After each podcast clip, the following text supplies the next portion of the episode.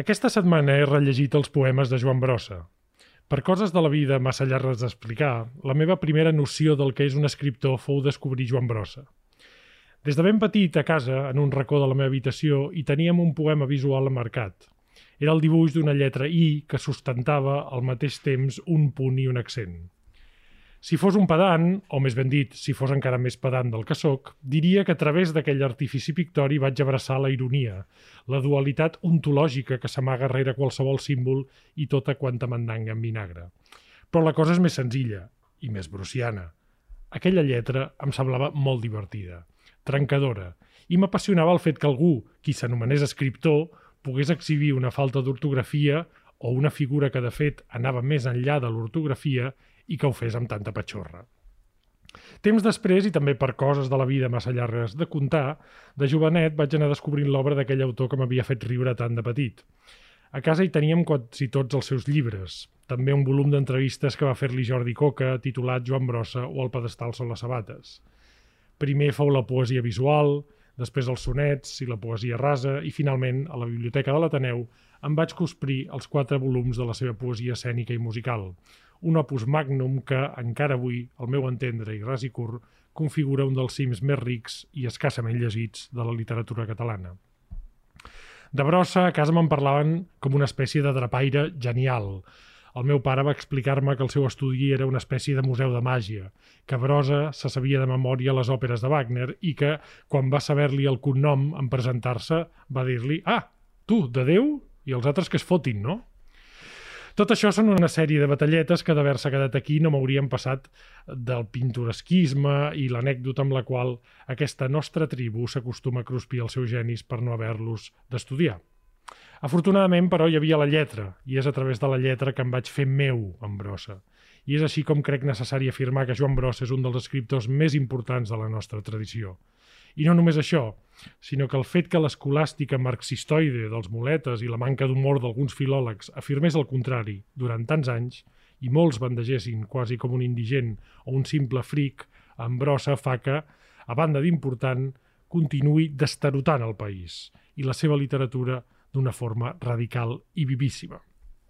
Enciclopèdia acaba d'editar una tutxana monumental amb el primer volum de la poesia completa prussiana, un laberint immens de paper que ha parit la Glòria Bordons i que tindrà dos germans més que esperem amb candeletes.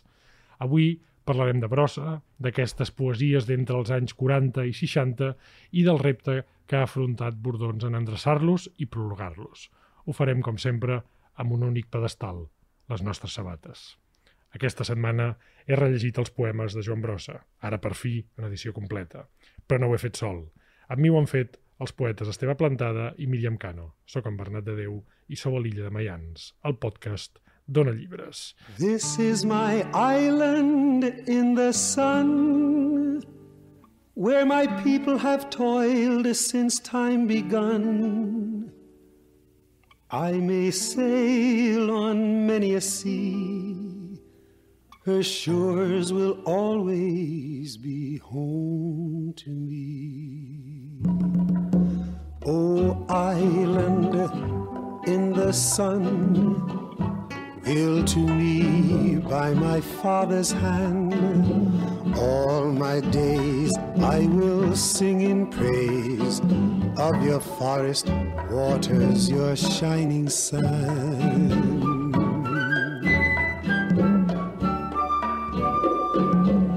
Senyor Plantada. Molt bon dia. Bon dia, bona tarda, bona nit. Míriam, com estàs? Refredada. No passa res. Refredat. Però un, tens un refredat covidià o no, normal? No, tinc un refredat antic, què et sembla? Vintage. Un, un refredat de tota la vida, sembla que no pugui ser. Tenir un refredat antic, abans ho comentàvem fora de micròfon, sí. és un fenomen contracultural. Sí, per tant, sí, sí. benvinguda, benvinguda al món brucià. I tenim aquí a, a la nostra protagonista, la, a la Glòria Bordons. Glòria, moltes gràcies per haver vingut i acceptar la nostra invitació. Gràcies a vosaltres. I felicitats per aquesta feinada. T'hem de preguntar moltes coses perquè, evidentment, aquí hi ha un doll de poesia i Brossa sempre fa de bon parlar, tot i que encara sí, com ho deia, molt poc llegit i massa desconegut, a vegades massa tòpicament conegut, però ho expliques al pròleg i m'agradaria que expliquessis als nostres oients com ha estat compilar tota aquesta poesia, perquè Brossa era molt dispers i hi havia llibres eh, molt fragmentaris i suposo que trobar tota aquesta poesia ha estat un atzucac. No et dic que ens resumeixis el pròleg, però explica'ns una mica, perquè abans de ja fer la, la pròpia tasca d'edició, que sempre és complicada amb una completa, eh, hi havia una tasca pràcticament excursionista i laberíntica, oi? Bé, Brossa sempre és laberíntic per la manera com va publicar, no? Però diria que, és clar, jo, com qui diu, doncs, hem amat tot això. jo vaig conèixer Brossa quan eh, tenia just 20 anyets. Uh -huh. eh? Uh, això era... això marca. això marca. Marca i, a més a més, quan uh, jo el vaig conèixer per efectes literaris estrictes. Eh? Senzillament, i tu que esmentaves abans amb, amb Moles, uh -huh. amb Moles va ser el culpable que jo conegués Brossa. Uh -huh. jo estudiava en aquells temps en l'Autònoma, la carrera de Filosofia i Lletres, la especialitat de Llengua i Literatura uh -huh. eh, catalanes, i eh, Moles, en una assignatura de postguerra, doncs, ens plantejava la lectura d'uns determinats llibres. I entre aquests llibres hi havia Em va fer Joan Brossa. Uh -huh. Aleshores, eh, jo i una amiga vam anar a parlar amb en Moles de què volíem fer. I bé, en aquells anys tothom volia fer Espriu i també jo uh -huh. també volia fer Espriu. I el Moles ens va dir home, és que ja hi ha molts altra gent que, que, que vol fer espriu. I, Deixem-lo descansar, no? Exacte.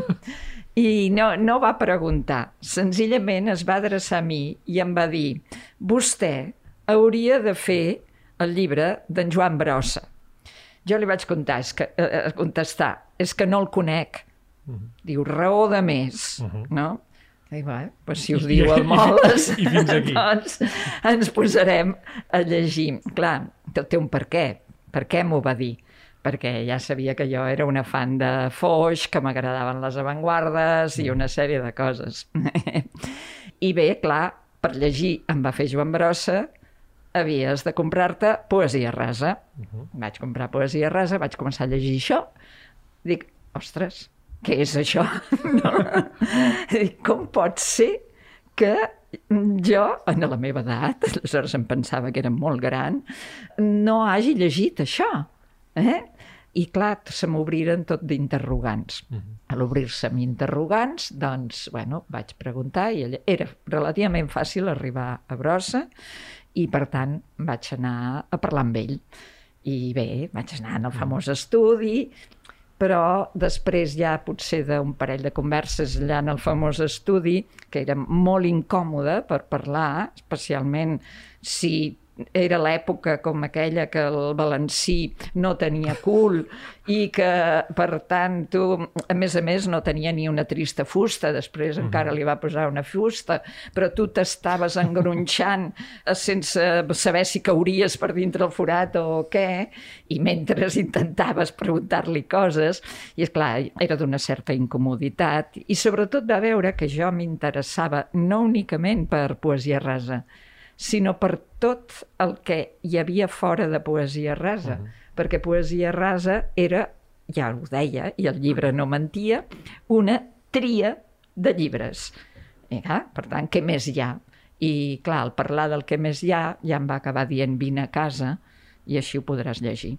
Uh -huh. I bé, jo van ser una temporada molt llarga, de molta felicitat, d'anar en aquella casa tan ben endreçada, clar, hi havia la mà de la Pepa, i d'estar-me en una tauleta on ell em deixava meticulosament els manuscrits, uh -huh. un a sobre l'altre, que jo volia llegir. Sí, sí. El, el que Clar. sí que és indiscutible és que estem parlant d'un treballador incansable, sí. perquè no, no totes les obres grans són bones. Exacte. En aquest cas, l'obra és qualitativament molt, molt bona, Clar, els, els dos volums que vindran hem d'afegir la poesia escènica, la poesia visual.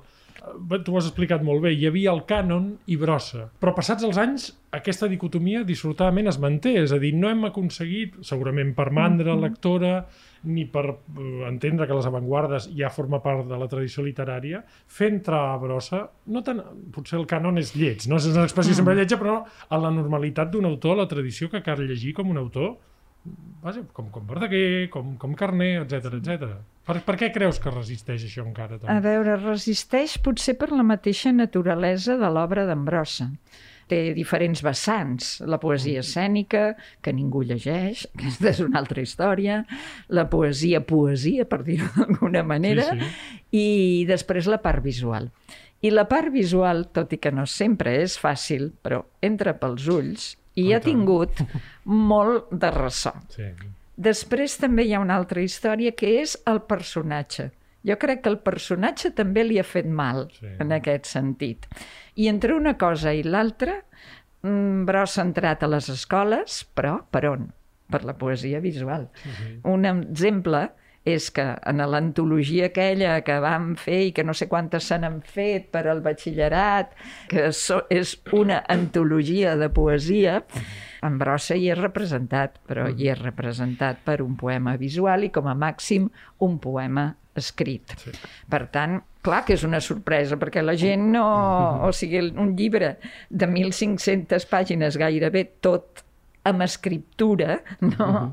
de poesia, doncs eh, la gent no, no li cap en el, en el que s'ha simplificat la figura i poet, la poesia d'Ambrosa. Per tant, jo cre- crec que tenim un, un deute moral, per dir-ho així, que és saltar-nos una mica el personatge, que abans ho deies, no tots tenim la, la, les anècdotes amb Ambrosa, no?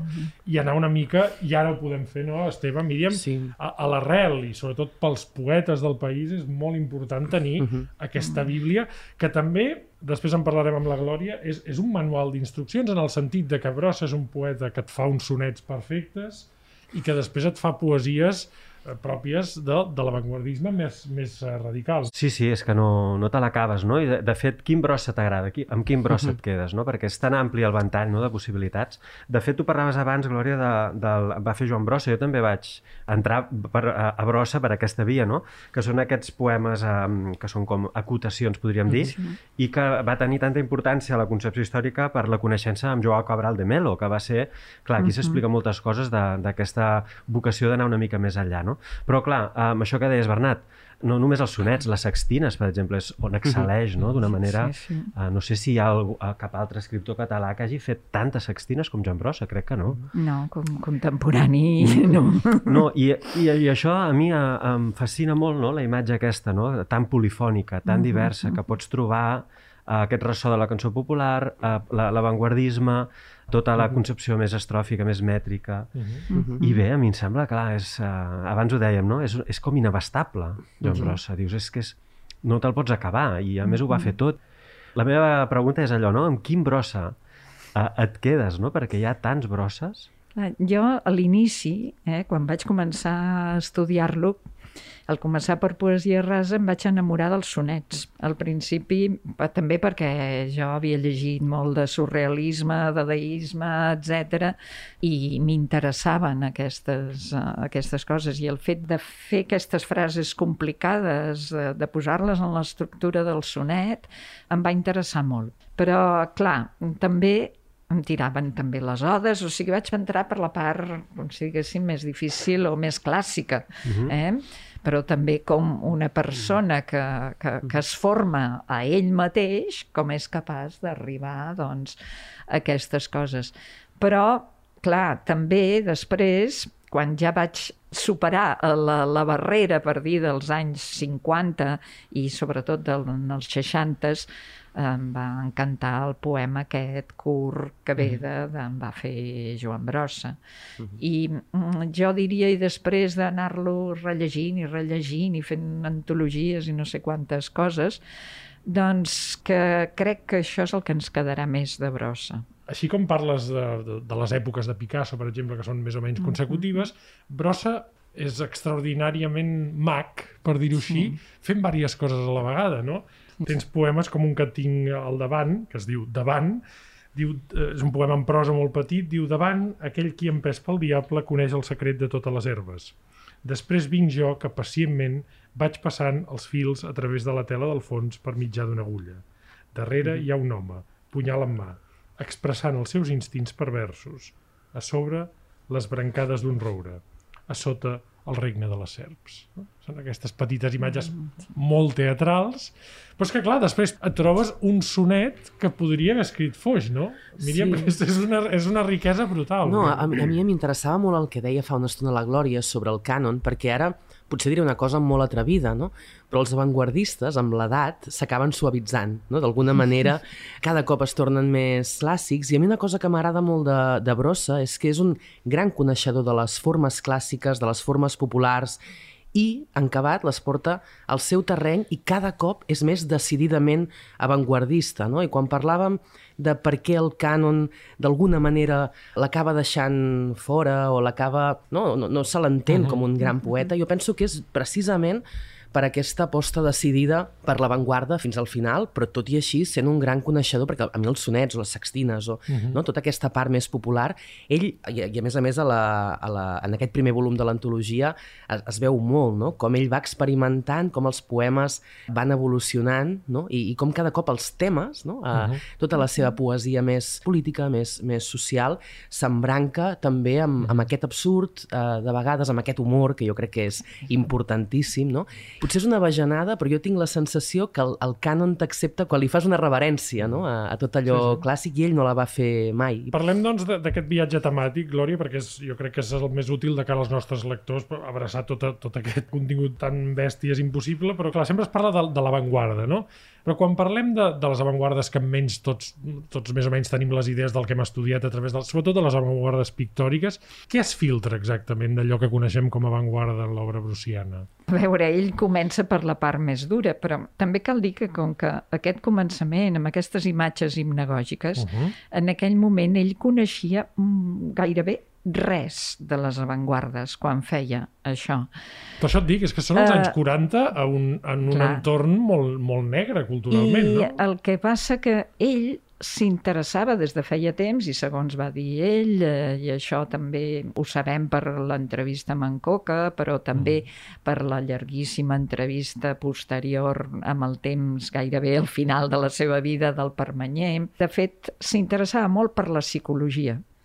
I el que és molt curiós és que quan està fent la, la mili, diguem-ne, de- a Salamanca, doncs que es compra llibres. O Per si ens escolta algun centenni, la mili és el servei eh, militar obligatori que es, que es feia Bueno, i que a més a més allò tampoc era mili, era com una mena de camp de, de concentració, Sí, sí, perquè ell va anar a la guerra, li va durar res, tres mesos, la guerra civil, amb el Brossa, perquè va, després el van, a- va estar a l'hospital i tot plegat per la qüestió de- d'un ull que semblava que el perdia, però bé, vull dir, després la qüestió és que ell es passejava per Barcelona, que encara no havia acabat la, la guerra. Eh? Però... Per tant, tira per intuïció, més, més que per, Eh, per saviesa, per, per intuïció, per als amics, perquè sempre es, es va saber rodejar d'amics, és que és molt curiós. Ara, aquest any, eh, hi haurà a la Fundació Brossa una exposició sobre l'Enric Tormo. I l'Enric Tormo és una figura capdalt, com altres, que eren en aquell grup curiosament, de, de catalans que després, doncs, quan es van anar a presentar, corrien per aquí. Gairebé tots, perquè tots tenien una, una ferida o una altra. I dit per, eh, per la filla del Tormo, em va informar que ells, aquest grup, s'autonomenaven els cataplasmes. Sigui, sempre hi ha aquestes coses amb en Brossa. doncs els cataplasmes els envien amb una mena de mili o de formació militar a Salamanca. No era ben bé mili.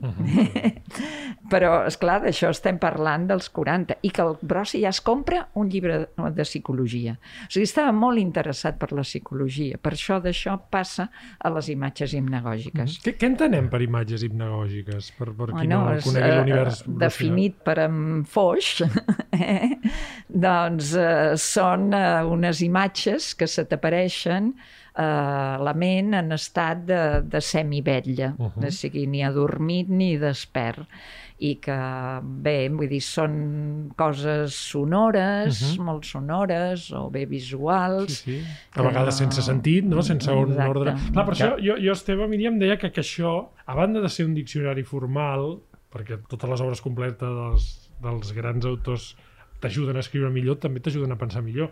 El somni, o, o aquesta visió del somni que deies, no formava part de l'imaginari, ni diria forma part de l'imaginari de la literatura catalana, sobretot de la poesia, que és més aviat noucentista moltes vegades, no? Clar, a mi em sorprèn molt no, de, de Brossa que ell hagi justament que la seva via d'entrada sigui aquesta, no? perquè això entronca directament la imatge hipnagògica, entronca amb el surrealisme no? de Clar. manera directa i amb l'inconscient, subconscient, Sí, sí, tot sí. això que deies de la, de la psicoanàlisi, no? una mica fins i tot. No? Clar, que entri per aquí, a més a més de manera autodidacta, perquè ell s'ho va fer tot ell, no? I a més a més amb una primera vocació de no publicar, perquè Brossa no tenia cap mena No, no, d'intenció, que això va venir molt, molt posteriorment i de la manera que comentàveu abans, no? com atropellada i, i tot barrejat. I clar, aquesta via d'entrada, un cop tu coneixes Brossa, jo el vaig conèixer als anys 90, no? coneixent la magnitud i el domini que tenia de, de tot el llenguatge poètic, ostres, em sorprèn molt, no?, que, que hagi estat justament aquesta via, no?, més avantguardista per la via surrealista, no? Sí. I és com molt estrany que aquest primer llibre, aquestes primeres uh, experiències poètiques siguin hipnagògiques, no? No, i, i clar, i que això ja tenint en compte que és ja quan torna a Barcelona, 40, 41, 42, són aquestes imatges, és ja l'època en què ell se'n va a veure el Foix, eh? I que aleshores el Foix, de fet li diu el mateix que li havia dit el Salvà Papassei, que tot això està molt bé, però que faci el favor d'escriure sonets, eh? perquè aquí és Que posi ordre, que posi Exacte. I quan se'n cansi, en tot cas, que ja segueixi el seu camí. I clar, aleshores també, en els anys 40, clar, és que és com un dòmino, eh? Ell juga a Foix, però el següent pas és ja Miró. Aleshores és que entra en un cercle i a més a més Joan Prats. I Joan Prats li obre la porta de la seva biblioteca. Entra per la via directa, enllaça com si no hagués passat res entremig amb la generació eh, dels anys 30 i aquella generació que sabia que estava s'havia format en avantguardes i que era l'època del surrealisme. O sigui que més pont no pot ser, és a dir, però el fet de conèixer Miro, Foix, Prats, és que ja ho té, ho té tot fet. I a més a més jo tinc la sensació, no sé si estareu d'acord, no? que Brossa, malgrat tota aquesta cultura, totes aquestes lectures, tot aquest univers, sempre ho acaba portant tot cap a un lloc molt seu, molt particular, Molt molt, seu. molt genuí. I jo crec que la gràcia és una mica uh, en aquí, no? Sí, Perquè sí. no, diguem-ne, no aprèn, però no copia uh, tot el seu univers, tota la seva, totes les seves troballes, diguem-ne, no? Que per això, uh, segurament, no? la, la poesia visual de cop i volta ens impacta tant perquè hi ha unes troballes que les veus i dius, ostres, no? I jo crec que tot és absolutament genuí, però al darrere hi ha, com dèiem abans, no? tot aquest aprenentatge mm. uh, i tota aquesta base molt forta. Sí, sí, és una base mm, popular, menestral i amb un llenguatge que també era un llenguatge genuí, eh? no és com ara, diguem-ne, el llenguatge de Barcelona d'ara, no? Sí. Clar, el seu aprenentatge havia estat al carrer, la, la, la gent eh, més, més normal, per dir-ho entre cometes, però aquest llenguatge aquest gust per al cinema, per als titelles, mm. per tota la base popular que portava, mm -hmm. sempre és com ell el que dèiem en Coca, el subconscient de l'àvia. Doncs mm -hmm. portava aquest subconscient de l'àvia, amb la qual cosa barreja unes coses que sí que les adquirides a partir dels llibres, mm -hmm. amb d'altres que són Exacte. exclusives d'ell. La poesia de Brossa és, també té sempre aquesta cosa de màgica, és divertida. Mm -hmm. eh? quan, sempre quan es fan lectures obligatòries als nanos de, de batxillerat, jo sempre penso, poseu-los coses contemporànies que els entendran més que no pas els quixots, els tirants, que estan molt bé, eh, que Sí. els hem fet en aquest programa, i els carners i tot, tot això està fantàstic. Però hi ha imatges contemporànies que potser entendran millor perquè hauran vist una pel·li del David Lynch, per exemple. No? Ara estàvem mirant tots aquests sonets, que els hauríem de recitar tots, perquè s'entengui una mica, no?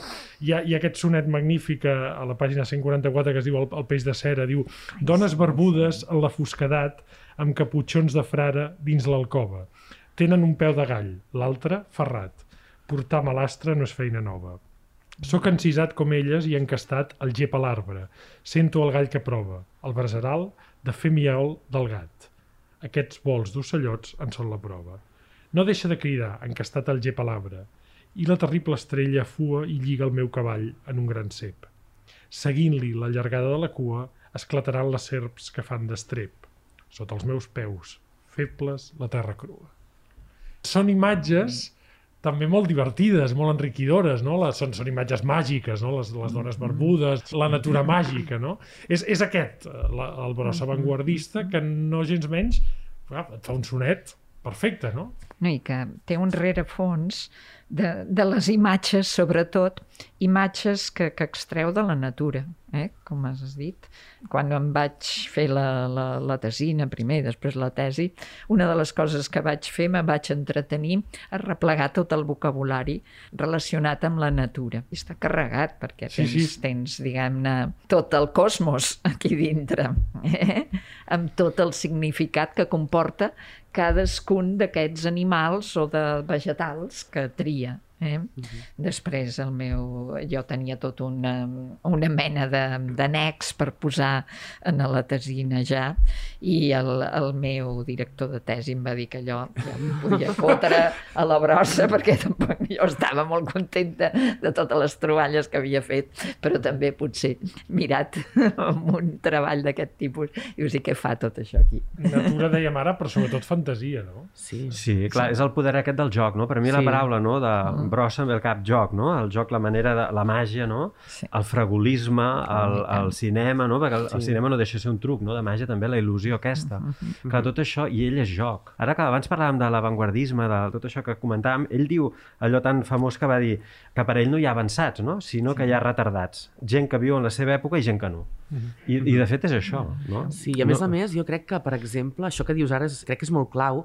perquè fins i tot amb els seus contemporanis, no? ho veiem en, en les odes, no només amb la gent amb qui ell es relacionava, sinó la gent que li agradava, no? els artistes que li agradaven, no era només que fes un discurs sobre qui li agradava i qui no, sinó que els escrivia, no? els citava a la seva obra. No? Vull dir que és un, una persona molt lligada també a una època no? i que li agrada molt que això es vegi en, en la seva obra. I a mi això també em sembla bastant sí. fascinant. Les dedicatòries, oi? Vull dir, Les allò que és un, un poeta que has d'anar fent com teixint fils, no? De, ara, sí. ara vaig cap aquí. Té molt presents, el, no? Uh, té molt presents els artistes que, que l'envolten, els conegui o, o no. no? Sí.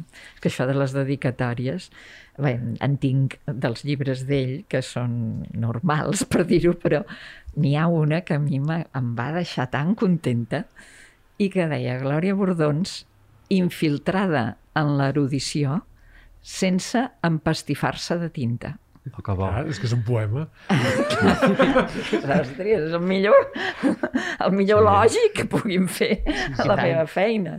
Eh? Vull dir que... Ara et posarien cordialment. Sí, sí. amb efecte. Amb efecte. Amb efecte I records a la família. Eh? Sí. Exacte. Sí, Abans parlàvem de, de l'avantguardisme i, i a mi m'agradaria, clar, són molts anys, no? perquè estem parlant de, de 20 anys de poesia, però que, que expliquéssim una mica, Glòria, la, la transició cap a aquesta noció de poema civil. No? Mm -hmm perquè sempre que parlem de poesia social potser tenim alguna preconcepció, no? Clar. Què són exactament els poemes civils de Brossa? Els, els lligo amb tot el que, el que va significar en Cabral per ell. Uh -huh. eh? En Cabral part de, de, de conduir-lo cap a... Acreïm, aquests... acreïm que era un diplomàtic no? brasiler que va venir a Barcelona, que, no? I era vicecònsul, que... si no recordo malament. Sí, de... un cònsul, diguem-ne, aquí a Barcelona. Ell era, havia fet la carrera diplomàtica i em sembla que va ser una de les seves primeres destinacions. Aleshores, també, vull dir, va ser tot de casualitats, perquè venia aquí, ja ell coneixia el Garcia Vilella, el pintor Garcia Vilella, a partir d'ell va, va estar doncs, amb el, eh, a Santos Torroella.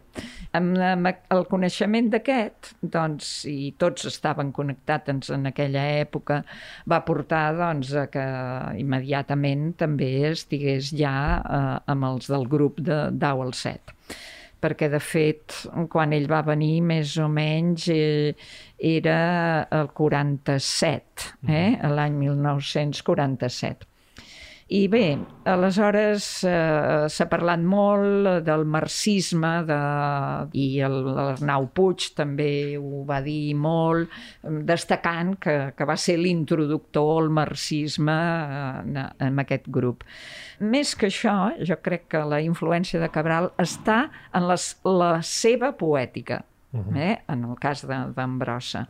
La seva poètica, perquè sobretot, mm, vull dir, té escrits d'aquella època, el Cabral, que el que ell eh, aconsellava amb el Brossa era de ser autèntic i de parlar de la vida dels homes en un estil que no fos el de la poesia social, eh? Dir, en un estil format per també eh, la mateixa persona que Mm, escriu La singularitat. eh, del- per aquella singularitat, però buscant un estil adequat. És a dir, que no es tractava de dir aquí està això, de denunciar ni de fer-ho de, la- de, de, Sí, sí, no és, manera no és pamfletarisme ni, ni marxisme sinó que calia també una forma, trobar la forma. I és clar, el trobar la forma que cada poeta, diguem-ne, en trobaria una de diferent.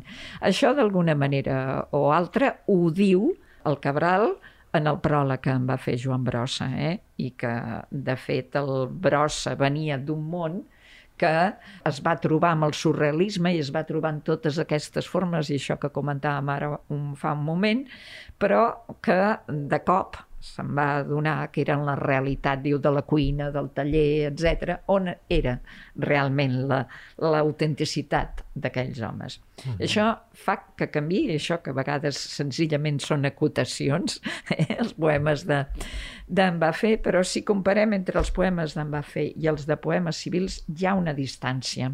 Hi ha una distància. Mm.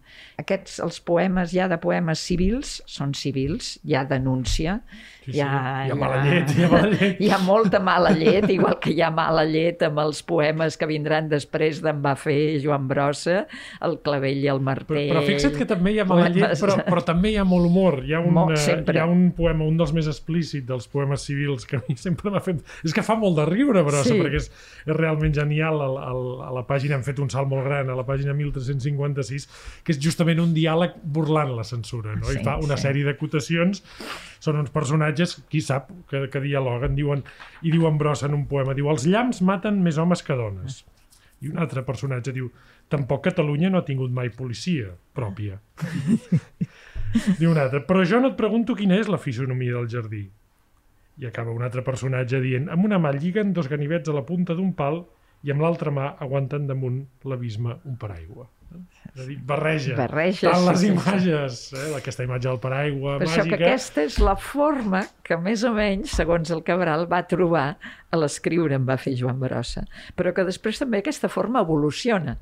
I crec que, a més a més, té la, la sort que també poemes civils, al ser escrit ja en una època en què també les avantguardes han canviat Clar. i hi ha, doncs, per tot arreu del món hi ha una forma d'escriure, etc que és més receptiva i d'alguna manera no és que, perquè el Brossa mai va formar part d'un grup, però sí que comença a relacionar-se amb gent que després li porta d'altres, és a dir, perquè poemes civils Gardo Antonio Vigo a La Plata, de, allà a Argentina, el coneix, o sigui, no el coneix personalment, però arriben els poemes amb ell i què fa? Doncs en la seva revista Diagonal Zero en publica uns quants, eh, traduïts al castellà. I que, eh, això és al·lucinant. Mira, ara que dius això, et volia fer una pregunta abans, um, perquè uh, aquí a Catalunya sempre estem molt enderiats en saber quina és la nostra posició dins el context universal, no? Quin, quin, quina és la nostra... Sí, és una cosa molt modesta que tenim. Sí, quina és la nostra transcendència o petjada dintre del, del curs de la història, en aquest cas de la literatura, no? Sempre s'ha dit, no?, que si Joan Brossa realment és important o, o d'haver un referent o ha deixat una empremta en la literatura, no només la catalana, sinó la que ens sobrepassa, és per la seva part eh, més visual, no? la, per, per la part aquesta. I et volia preguntar justament, tu que ets eh, eh, la, la gran experta bruciana, i això segur que ho saps, si realment és així, no? si realment Brossa té un lloc dintre de, del que és la història de literària universal, o occidental, com a mínim, no? Si realment ell ha transcendit a través d'aquesta part o no, tampoc no se'l coneix tant a fora. A veure, la part visual se la coneix, però també en determinats ambients. Eh? Crec que va transcendir, especialment en els anys 60, pel que en diríem tots els moviments de la poesia experimental. Eh? Se li posa aquest nom des de fa ja un temps perquè tenia múltiples noms i és una manera de posar una etiqueta. Però entenguem-nos, tota la gent que fa poesia sonora des dels anys eh, 60 uh -huh. o abans, que fa poesia visual, que fan coses estranyes com aquests poemets, no? extrets de la realitat, aquesta gent el coneix però no únicament per la poesia uh -huh. visual. Eh? Però, és clar, això són uns nuclis que Molt són... selectes, no? Molt reduïts. Exacte, molt reduïts. La poesia visual o les grans exposicions o el que sigui, Brasil, l'adoren. Eh? Vull dir, Brasil és un lloc on el, el coneixen, eh, les seves exposicions que s'han fet allà i també la part d'Argentina eh? o Xile mateix, és a dir, tota la, part sud, diguem-ne, del continent eh, americà, doncs el coneixen. Ara, als Estats Units no preguntis qui és en Brossa eh, en lloc. Eh? I després aquí a Europa doncs, és clar, el Gonringer el coneixia, vull dir, eh, gent de Suècia, uh -huh. però són tot el nucli aquest de poesia uh -huh. experimental. Hem de començar, en qualsevol cas, coneixent-lo nosaltres, perquè s'expressa en la nostra llengua i parla d'un món, en el fons, que és recent. Ja, però, Esteve, a Míriam, us, us volia dir que, clar, és que eh, sobretot aquests poemes civils, ara en rellegia uns quants, que els llegiríem tots perquè realment són, tenen molta mala llet, però Sí. són molt divertits, també molt càustics, perquè estan escrits en un moment on escriure això et podia portar Sí, sí. molts problemes. Jo diria que Brossa, en aquest sentit, és un bolet que, que potser no sé si ha tingut continuïtat, perquè de poesia social o de poesia de protesta a Catalunya no sé si n'hi ha molta, No d'aquesta manera. Ara, Oi? abans parlàvem no, d'aquesta am- am- també amalgama de tradicions, de contemporanis, etc. Però jo penso que justament això que, que comentaves ara, no, de la poesia social, ell, parlem-ne, si voleu, hi ha tota una simbologia al darrere que ell va agafant de cada moviment. No? Abans parlàvem de la cosa romàntica, wagneriana, de la natura, però coi, en els, en, no? en els poemes civils també hi ha tota aquesta part de fascinació que tenien els modernistes pel circ, pel cabaret, Sí, per sí. l'alegria. Va agafant-ho tot i ho manté i ho posa al servei d'un discurs, no? però la seva simbologia eh, jo crec que és el que eh, el diferencia, no? utilitza tots aquests símbols, tot aquest aprenentatge per parlar de coses que a ell li interessen. I en aquest sentit jo no estic segura que tingui una continuïtat És a dir, hi ha, hi ha després, poesia no? social a Catalunya, evidentment. Hi Hi ha, ha gent com el David. Canyo, hi ha molta, No, però- moltíssima gent que fa poesia, com l'Enric Casasses mateix, que té Sí, llibres exacte. que han marcat tot social, però sí que és cert que en un moment on realment la societat es queixa per moltes coses, sorprèn que la poesia a vegades no, no acompanyi... Escolta, els poetes que facin el que vulguin, eh? només faltaria, no? Totalment, vull dir, clar, no? El, això dels poemes civils, evidentment, no ha tingut un... no, no té un equivalent Passa, passa, contemporani. perdoneu, eh? passa també amb la música, per exemple. No? la Sí, música, sí. els anys equivalents doncs, del, del moviment beat català, gent com el Riba, el Cisa, doncs neixen en un moment que entens que hi hagués una cançó psicodèlica de protesta en, en mil i una variant, perquè no tenia res a veure sí. el grup de folk amb, amb, amb la cançó protesta del Raimon, per exemple, no? Però ara també en música passa que en un moment molt bèstia dius, hosti, els grups Sí. fan costumisme, no? I dius, vols, vols dir que això no, eh, això no és estrany? I jo sobretot tinc la sensació, en brossa, no sé si us passa, que a cada poema, a cada instal·lació, a cada enregistrament sonor o, o de vídeo, tinc la sensació que ell es posa davant de l'inici de l'obra, com dient, a veure què passa si faig això, no? És ell mateix qui es posa, i, i a veure què ens sortirà, no? I per això jo crec que té aquesta, aquesta obra tan àmplia, aquesta obra tan heterogènia, però que la seva intenció, diguem-ne, a, a diferència de, de la poesia social o, o de protesta que ha vingut després, no és tant explicar als altres què està passant, sinó explicar-s'ho ell mateix amb uns mitjans, no? cada cop diferents, no? Sí, sí. Ah, que poden passar És, és per una, 3.000 tècniques. Una no? actitud ex- d'experimentació constant. Sí, sí, Eh? sí. Glòria, per, parlant de, de, de futur i per anar acabant, vull que tam també que parlem una mica, perquè has estat molt implicada en la, la, la difusió de l'obra de Brossa, de, de, de què es pot fer també des de les institucions. En aquest volum hi col·labora la, la Fundació Joan Brossa. Durant molts anys a Barcelona hem tingut una, un, te, un espai teatral que primer portava l'Herman Bonin, eh, que era una persona que, que havia tingut relació amb Brossa. Quin és l'estat actual, per dir-ho així, de, de, la, de la difusió de l'obra d'en Brossa? Perquè moltes vegades els que som brucians veiem iniciatives que tenen a veure amb Brossa, però dius, però que a vegades dius, carai, si voleu fer teatre d'en Brossa, nois, teniu quatre volums per estrenar, com aquell qui diu. Sí, sí, eh, eh, sis per tant, volums. si hi ha vida intel·ligent al Teatre Nacional o al Teatre Lliure que ens escoltin, perquè valdria la pena que se'n fessin de tant en tant. Actualment, com està el mapa, el mapa brucià? El mapa brucià, Brossa, eh, tothom Complicat. coneix, tothom coneix Brossa, però mm, coneix, un coneix molt relatiu. Jo sóc molt crítica amb el teatre. Ningú s'atreveix, perquè la paraula és aquesta, Mhm. no s'atreveix a fer brossa, brossa. Que si el públic no està preparat, bé, i aleshores, doncs Que vinga... ho, de- que ho decideixi el públic, Eh, no, això? vinga, barrejar brossa, eh, poemes d'en brossa amb altres coses que poden estar molt bé els espectacles, eh? però un teatre que porta el nom de brossa hauria de, si més no, al llarg de la temporada, Sí, sí. arriscar-se com a mínim a fer una peça Sí, sí. d'en brossa. I, a, I a més a més, hi ha, a, a mi, t'ho juro, em fot de mala llet, perquè és que a més és que hi ha I- obres, hi ha, hi ha un brossa més radical, sí que és cert que és, Sí. que és difícil, més que barater, però hi ha obres, per exemple, de factura clàs, més clàssica, com La xarxa, que són una bueno, meravella. la xarxa, i quan es Per- va fer el petit, bueno, quan estava la llada vermell Sí. de l'espai brossa, bueno, aquella obra va ser una delícia. És que és I no diguem que no s'entén allò. Oh, i. Eh, A més a més, allò... a- a- que escolta, això ho hauria de dir potser el públic, no? Però clar, abans els autors, això ho ha dit moltes vegades l'Albertí, no? Abans que la gent es pensi que el teatre del seu país o la poesia del seu país és dolenta, potser que se li deixi l'oportunitat de llegir-la. Però, però és això, o sigui, jo soc molt crítica amb això i en general ara he aconseguit això perquè puc dir que he aconseguit, però després de no sé quants anys, eh? Vull dir que això estava a punt de sortir fa 20 anys. Aleshores, eh, són 20 anys d'història en aquest país, eh? Vull dir que també potser que ens ho fem mirar. Sí, sí. Tot és, és molt difícil, és clar, això no és com un vinyoli que ofereixes sí. un, Això ho tenia, era més un o curt. dos. eh? Vull dir, tot, tot petit. Però, és clar, és molt desbordant, però jo crec que en aquests moments ho necessitaven.